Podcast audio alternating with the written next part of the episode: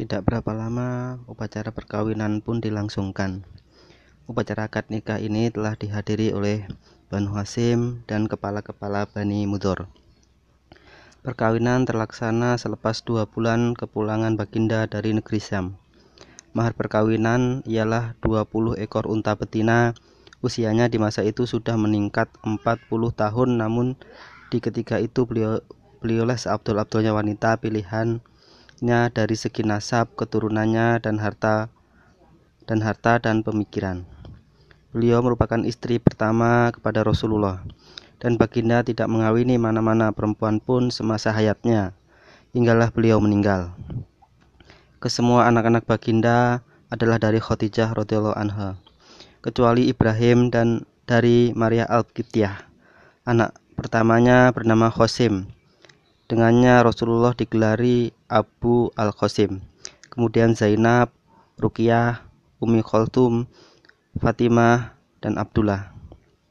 Beliau menggelar beliau bergelar sebagai Al-Tayyib dan Al-Tohir. Anak lakinya kesemuanya meninggal semasa kecil. Manakala anak-anak perempuan kesemuanya sempat dengan kebangkitan baginda sebagai Rasul utusan Allah. Kesemua mereka memeluk Islam dan kesemua mereka berhijrah. Semua mereka ini wafat semasa hayat baginda kecuali Fatimah, seorang saja yang wafat selepas wafatnya baginda enam bulan kemudian. Membinaan semula Ka'bah dan permasalahan Al-Takim. Dalam usia baginda 35 tahun, Khuraisi telah bertindak mendirikan semula Ka'bah karena berlaku keruntuhan pada strukturnya. Ka'bah ini sebenarnya satu bangunan tinggi sembilan hasta. Sejak zaman Ismail alaihissalam tidak berbumbung. Pencuri-pencuri telah melarikan harta khasanah di dalamnya. Ka'bah telah beberapa kali mengalami kerusakan karena bangunannya terlalu usang. Dindingnya sering retak dan pecah. Lima tahun sebelum kebangkitan Rasulullah, banjir besar melanda Mekah. Airnya yang mengalir deras menuju ke Ka'bah, hampir merobohkan bangunan Ka'bah itu. Disebab, disebabkan oleh kejadian kejadian pihak Quraisy terpaksa memperbarui bangunannya.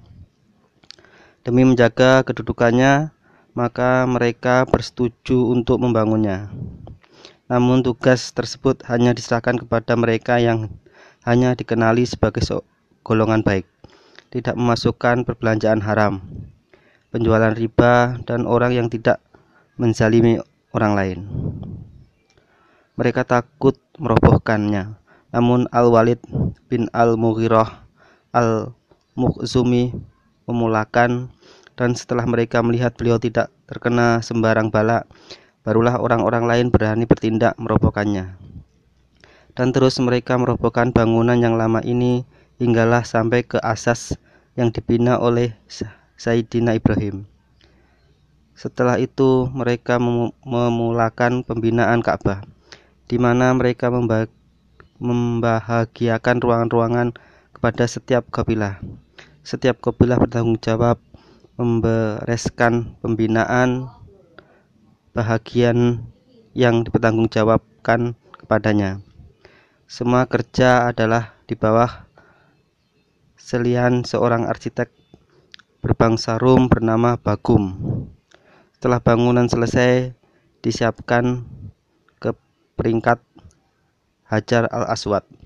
Sekali lagi mereka berselisih pendapat siapa yang orang yang beristimewa untuk mengangkat dan meletakkannya ke tempatnya.